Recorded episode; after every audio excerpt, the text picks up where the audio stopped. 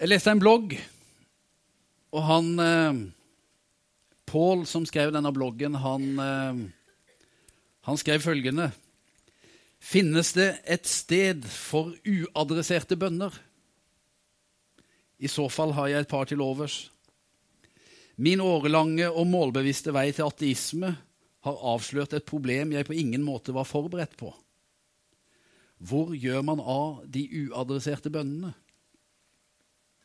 I dag kom jeg over denne saken på Aftenposten, og så viser han til en uh, sak der uh, det er for noen år siden, da, der, de, politiet, der hadde funnet en sykkel i, i Hobølelva. En sykkel som etter all sannsynlighet tilhørte et barn med, i alderen 8 til 13 år. Og på det tidspunktet han skriver denne bloggen, så vet jeg ikke hva som har skjedd, eller hva som har hendt, eller, uh, eller slike ting. Og da skriver han Rent instinktivt får jeg lyst til å sende en liten bønn, for sikkerhets skyld. Det fins tydeligvis noe i alle mennesker, eller iallfall de fleste jeg møter, som minner oss om at vi ikke er alene i universet, og at det ikke var meninga at vi skulle klare oss helt sjøl. Og bønn det kan synes som at det er et sånn eh, nærmest naturlig menneskelig instinkt. Det er en studie fra 2004 som viste at 30% av ateister ber. En annen studie viste at 17% av de som hevder at, de, at de overhodet ikke tror på noen gud i det hele tatt, og ber. Det er jo litt interessant å legger merke til at eh, når vi har eh, opp gjennom historia eh, oppdaga nye kulturer og nye sivilisasjoner og slike ting, så har vi ennå til gode å finne en kultur der fenomenet bønn var totalt fraværende. Men det, det er noe som liksom fins nærmest overalt. Ehm, jeg hørte en historie, og den må jo eh, selvfølgelig da bare være fra USA, for det er bare i USA det skjer sånne ting. Men eh, det var en liten by som eh, for så vidt Den hadde vært tørrlagt, som det heter. Helt fram til, til en forretningsmann en dag fant ut at han hadde lyst til å åpne en bar. Og Da var det en del kristne som ble veldig stressa av dette her. da. Og de eh, satte i gang en ordentlig bønnekampanje og liksom eh, samla inn til et stort bønnemøte og ba til Gud om at Gud måtte gripe inn. Og så skjer jo det, da, at ikke så lenge etterpå så slår lynet ned. Og så brenner bygningen ned til grunnen. Men det viktigste av alt i historien det er jo at bareieren han går til det skritt og eh, han, han tar ut søksmål mot kirka for han mener at den er ansvarlig. Og da skaffer jo Kirka på sin side sine advokater nettopp for å argumentere for at de kan jo ikke stå til ansvar for dette her. Og Når saken da kommer til retten, så går dommeren som seg hør og bør gjennom saken, sånn, har en innledning til den. Og før de da fortsetter, så kan han ikke annet enn å komme med følgende kommentar. Samme hvilke utfall denne saken måtte få, så er én ting klart. Bareieren tror på bønn. Det gjør ikke de kristne.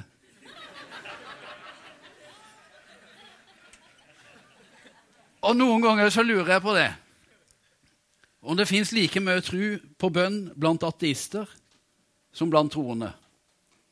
Eller sagt på en annen, måte, en annen måte, noen ganger så lurer jeg på om det fins like lite tro på bønn blant kristne som blant ikke-kristne. Og Det temaet det har vi lyst til å sette på dagsorden i uh, menigheten vår i noen uker framover. Og snakke om uh, eh, bl.a. fenomenet bønn, og litt hva bønn er for noe.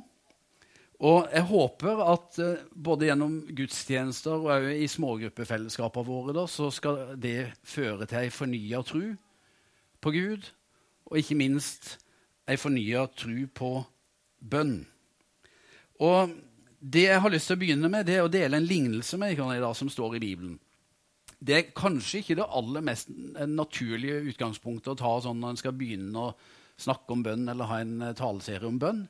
Men jeg har valgt å begynne der, for jeg har lyst til å trekke ut ifra den noen vikt, noe som jeg tror er viktige prinsipper og viktige tanker omkring dette her som har med bønn å gjøre.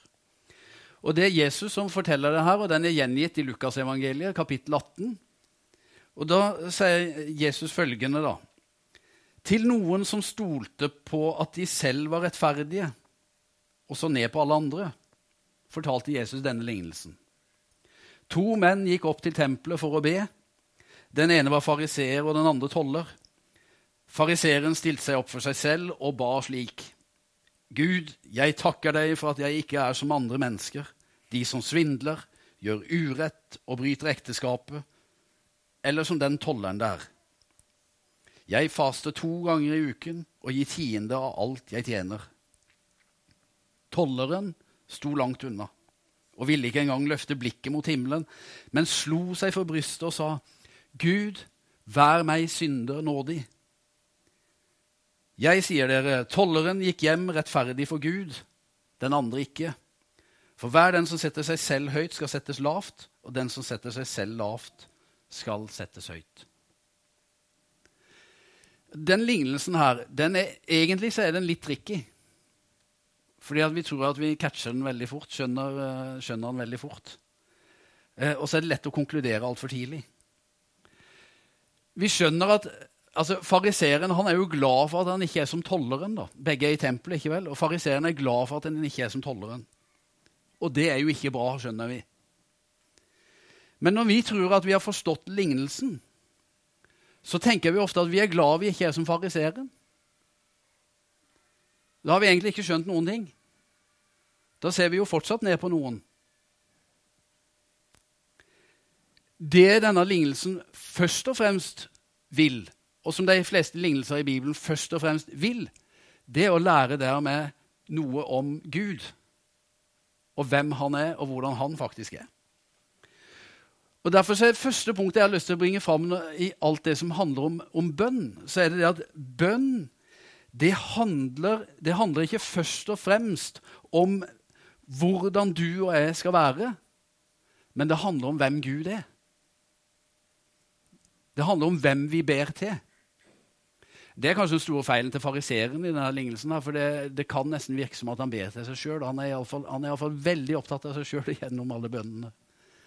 Eh, den Gud vi ber til, han er full av nåde, forstår vi i denne lignelsen. Bønn det er ikke, som Jesus sier i innledningen her, altså til noen som stolte på at de selv var rettferdige. altså Til de som stolte på seg sjøl, så forteller Jesus denne lignelsen. Bønn er å ikke stole på seg sjøl, men å stole på Gud. De gamle de pleide å si det at uh, hvis det var en, en, som ikke kunne be, så fikk han reise til sjøs. Da lærte han det. Det er mange som har eh, forstått det. Eller vi har visst om eh, mange som har opp gjennom tidene har vært ute på sjøen, og de trodde ikke på Gud, men eh, så ramma ulykka, og så lærte de ganske fort å be. Og jeg, jeg har lyst til å si litt om det, at den sanne bønnen den starter ofte i den nakne og brutale virkeligheten. Ikke i en eller annen sånn opphøyd åndelig sfære, et eller annet sånn greier der, men i realitetene og i virkeligheten. Du lærer å be når du forholder deg til livet slik det virkelig er. Ikke slik som du tenkte at det skulle vært, eller et eller annet sånt, men når du må forholde deg til livet som det virkelig er. Da skjønner du òg at du ikke strekker til alltid, men at du er totalt avhengig av noe større og vi kristne tror at den vi er avhengig av, er Gud. Derfor så kan vi på en måte si det slik at sann bønn det er like mye et møte med deg sjøl som det er et møte med Gud. På et vis. For det er ingenting vi kan skjule for Gud. Og fordi, vi skjule, fordi vi ikke kan skjule noe for Gud, så kjennetegnes bønn av en sterk erkjennelse av egen tilkortkommenhet. Alt ligger nakent, liksom framfor han.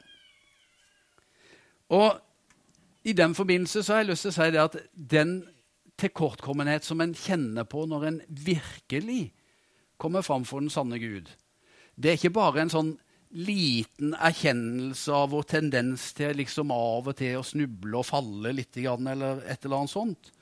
Men det er en erkjennelse av vår aktive tilbøyelighet til å virkelig ødelegge ting.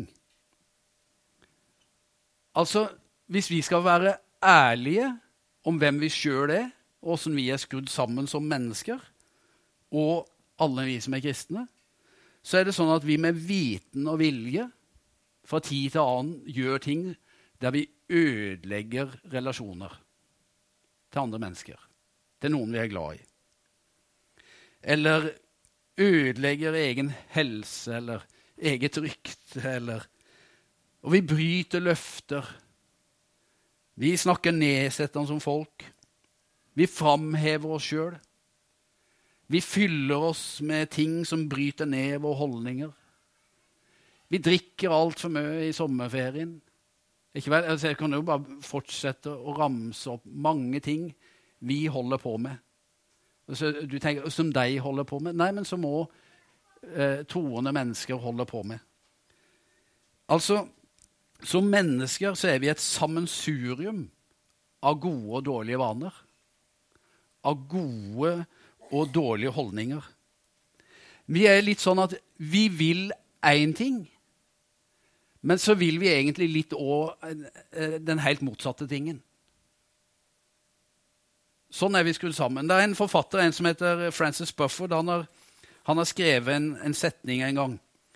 You're equipped, you realize, more for farce or even tragedy than happy endings. You're human, and that's where we live. That's our normal. Altså, På et vis sånn vi er skrudd sammen som mennesker, sier han. Så når vi, når vi, virkelig innser det, så er vi, så er vi mer en farse eller eventuelt en tragedie enn vi liksom er skrudd sammen for happy endings. Eh, vi er menneskelige, sier han. Og det er, vi, det, det er, i det vi lever. Og det er normalen vår. Og det jeg har lyst til å veldig sterkt understreke og når det gjelder bønn og det å komme inn for Gud. Om du og meg ønsker gudserfaringer, og om vi ønsker å ha sterke gudserfaringer, så trenger vi å erkjenne den menneskelige erfaringen først. Hvor vi er henne. Hvem vi er, og hvordan vi faktisk er skrudd sammen. Vi trenger å innrømme vår menneskelige svakhet for at Gud skal kunne virke med sin styrke og kraft i våre liv. Det er en som har sagt det, at det er de karaktersvakhetene du ikke vil erkjenne, som er ødeleggende for deg. Fikk du med deg det? De tingene du ikke vil erkjenne, som er ødeleggende for deg. Fariseeren, eksempel, han så ikke sitt eget hovmod. Han så ikke sin egen egoisme. og Derfor kunne ikke Gud heller hjelpe han. Tolleren derimot kommer ærlig fram med sitt liv som det han slår seg for brystet. Han sier, 'Gud, vær med synder nådig'. Sann bønn begynner med at vi innrømmer vår menneskelighet i alle sine utgaver.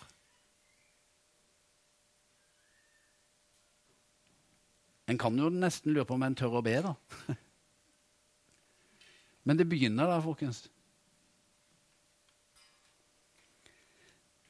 Men det må òg mer enn bare den menneskelige erkjennelsen til. Det er én ting vi må koble med det. Og det er forståelsen at Gud, som vi ber til, han er ikke bare allmektig, men han er nådig.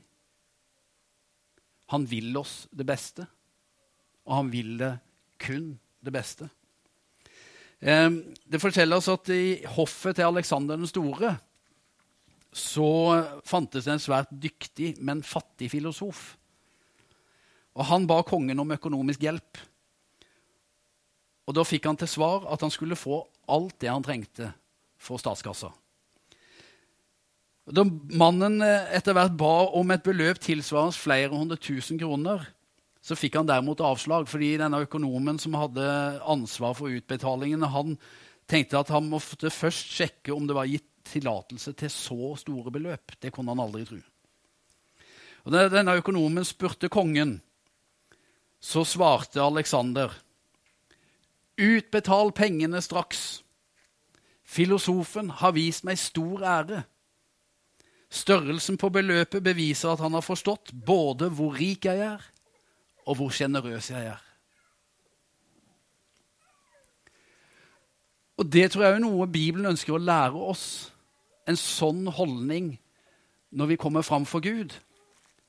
At samme hvor jeg håper seg, dårlige og svake og elendige eller fattige vi måtte kjenne oss, så kan vi innenfor Gud være frimodige og be om store ting. Han er ikke bare rik, men han er også sjenerøs. Den forståelsen av hvem Gud er, den er helt avgjørende for bønnelivet. At vi har grepet det. At Gud han er ikke bare allmektig, men han er god. Han er ikke bare rik, men han er sjenerøs. Og han ønsker at vi skal vise ham ære ved å be i tråd med slik han er. Nå er det ikke tilfeldig da, at denne lignelsen som vi har, eh, har, fått her, at den finner sted i tempelet. Eh, tempelet det var, jo, det var jo liksom bønnestedet framfor noen ting det i Israel. Tempelet i Jerusalem. En gikk opp til tempelet for å be. Og I gammel tid så var det faktisk slik at de, de tenkte sånn at Gud, han, eh, han er der oppe. Altså, eh, og Derfor så gikk en opp for å be. Opp på et fjell, f.eks. Altså, de, verdensbildet deres var ikke akkurat slik som vårt er. Det var, jorda var helt flat, og så var vi her. Og så var himmelen der, og der hang det litt stjerner og litt sånn her, nesten som vi henger dem på juletreet. ikke vel? Og så forbi der så var Gud. Og Derfor så var det litt sånn tankegang at jo høyere du kom opp på et veldig høyt fjell, jo nærmere var du Gud. Og Derfor så var det også sånn at De fleste helligdommene som ble bygd, og sånt, de ble bygd på en høyde. Sånn nå med tempelet i Jerusalem. Ble bygd på en høyde, og så gikk en opp til tempelet for å be, for da kommer en nærmere Gud. Og Det ligger mye av den terminologien i den, den lignelsen. her. Det er blant annet derfor Jesus også snakker litt om dette om høyt og lavt. og sånn på slutten av lignelsen. ikke vel? Og eh, Der går de altså opp for å be. da. Og så var det også slik med tempelet at var det én plass i verden eller på den tida at du smertelig, ble smertelig klar over hvem du egentlig var. Altså hvordan du var, hva som var din status, og hva du kunne forvente deg av Gud, ja, så var det i tempelet. Der ble skillene liksom veldig tydelige og veldig åpenbare. Eh, og Den kontrasten den kommer jo veldig godt fram i Jesu beskrivelse her. Han sier at eh, liksom fariseeren han kommer der og har alt på stell. Han ber med stor frimodighet sine eh, bønner. Og han tror han er veldig høyt oppe. for å si sånn på, Så tror han det på mange måter. han. At han har kommet langt opp i, i livet sitt, og at han er temmelig høyt oppe og temmelig nært Gud òg, som er her oppe. ikke vel? Tolleren på sin side han er jo et dårlig menneske. han. En som har sveket sine landsmenn og greier. Og innser det. Stiller seg langt unna. I tempelet så hadde folk en erfaring av å være innafor eller utafor.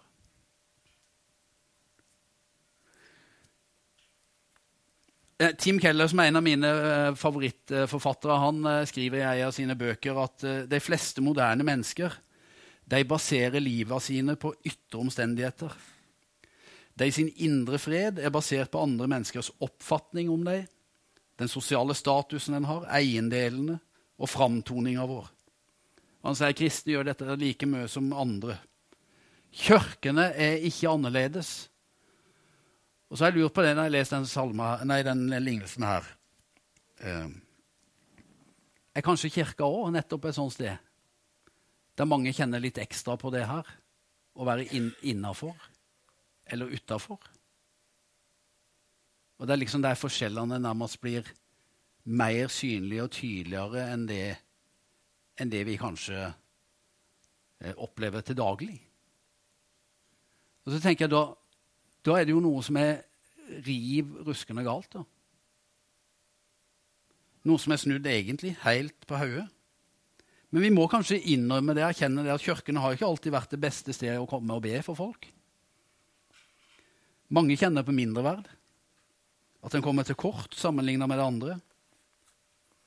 Og Vi skal ikke se bort fra at det fins mange mennesker som kjenner et behov for Gud, men som ikke har frimodighet til å menge seg med den religiøse eliten. Det er derfor når vi bygger en lokal menighet på et lokalt sted i Ytre Andesund og alt sånt, så gjør vi jo ikke veldig lurt i å etablere et fellesskap som da skulle bli en eller annen slags religiøs elite. Folk trenger ikke det. Verden trenger ikke det. De rundt oss har ikke behov for det.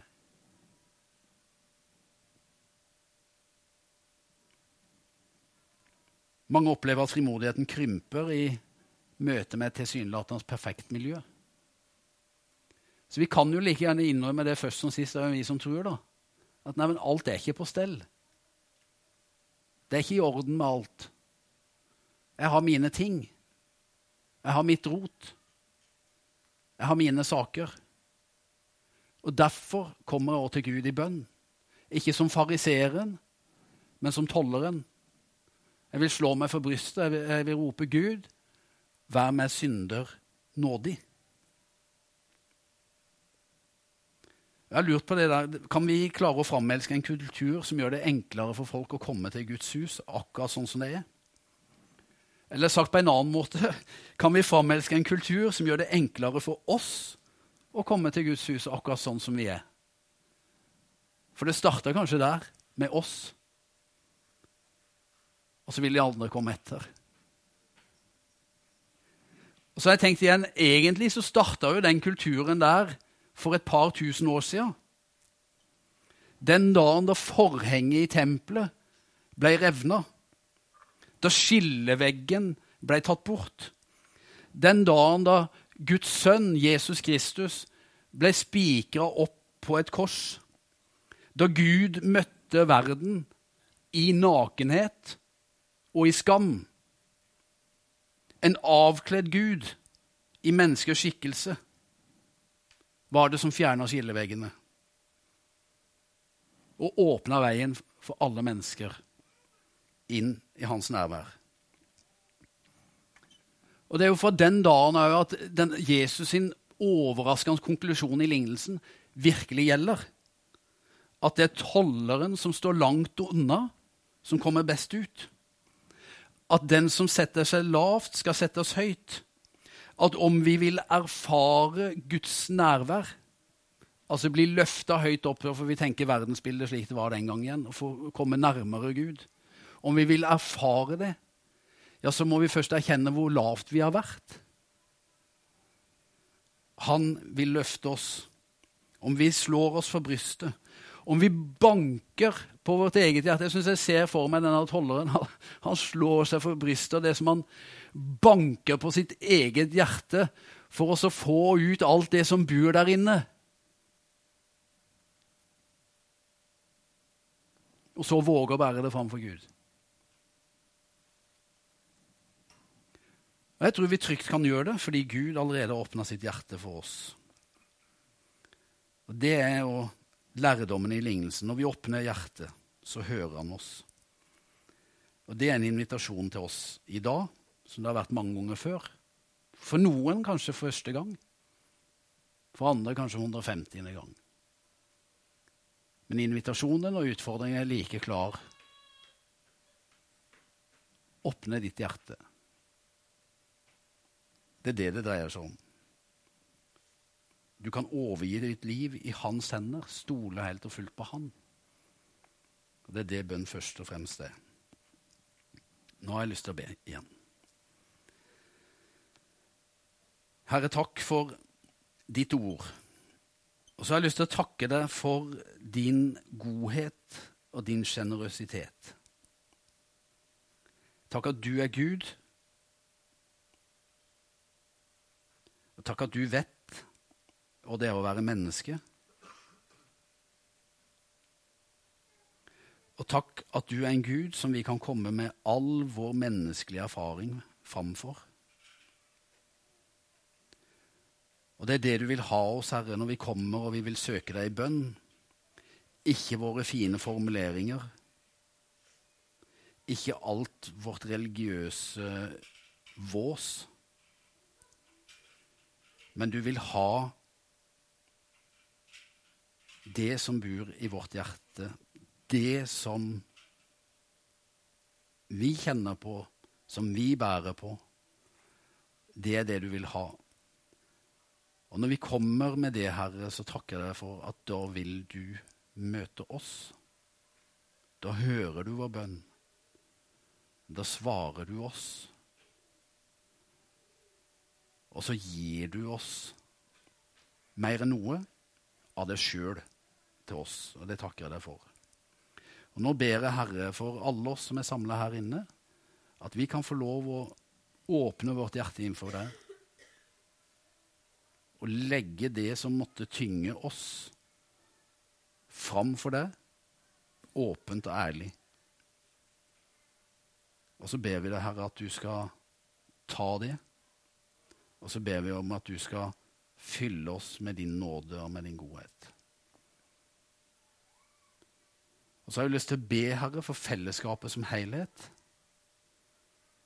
Hjelp oss, Herre, å gjenspeile en kultur som er slik du vil ha den.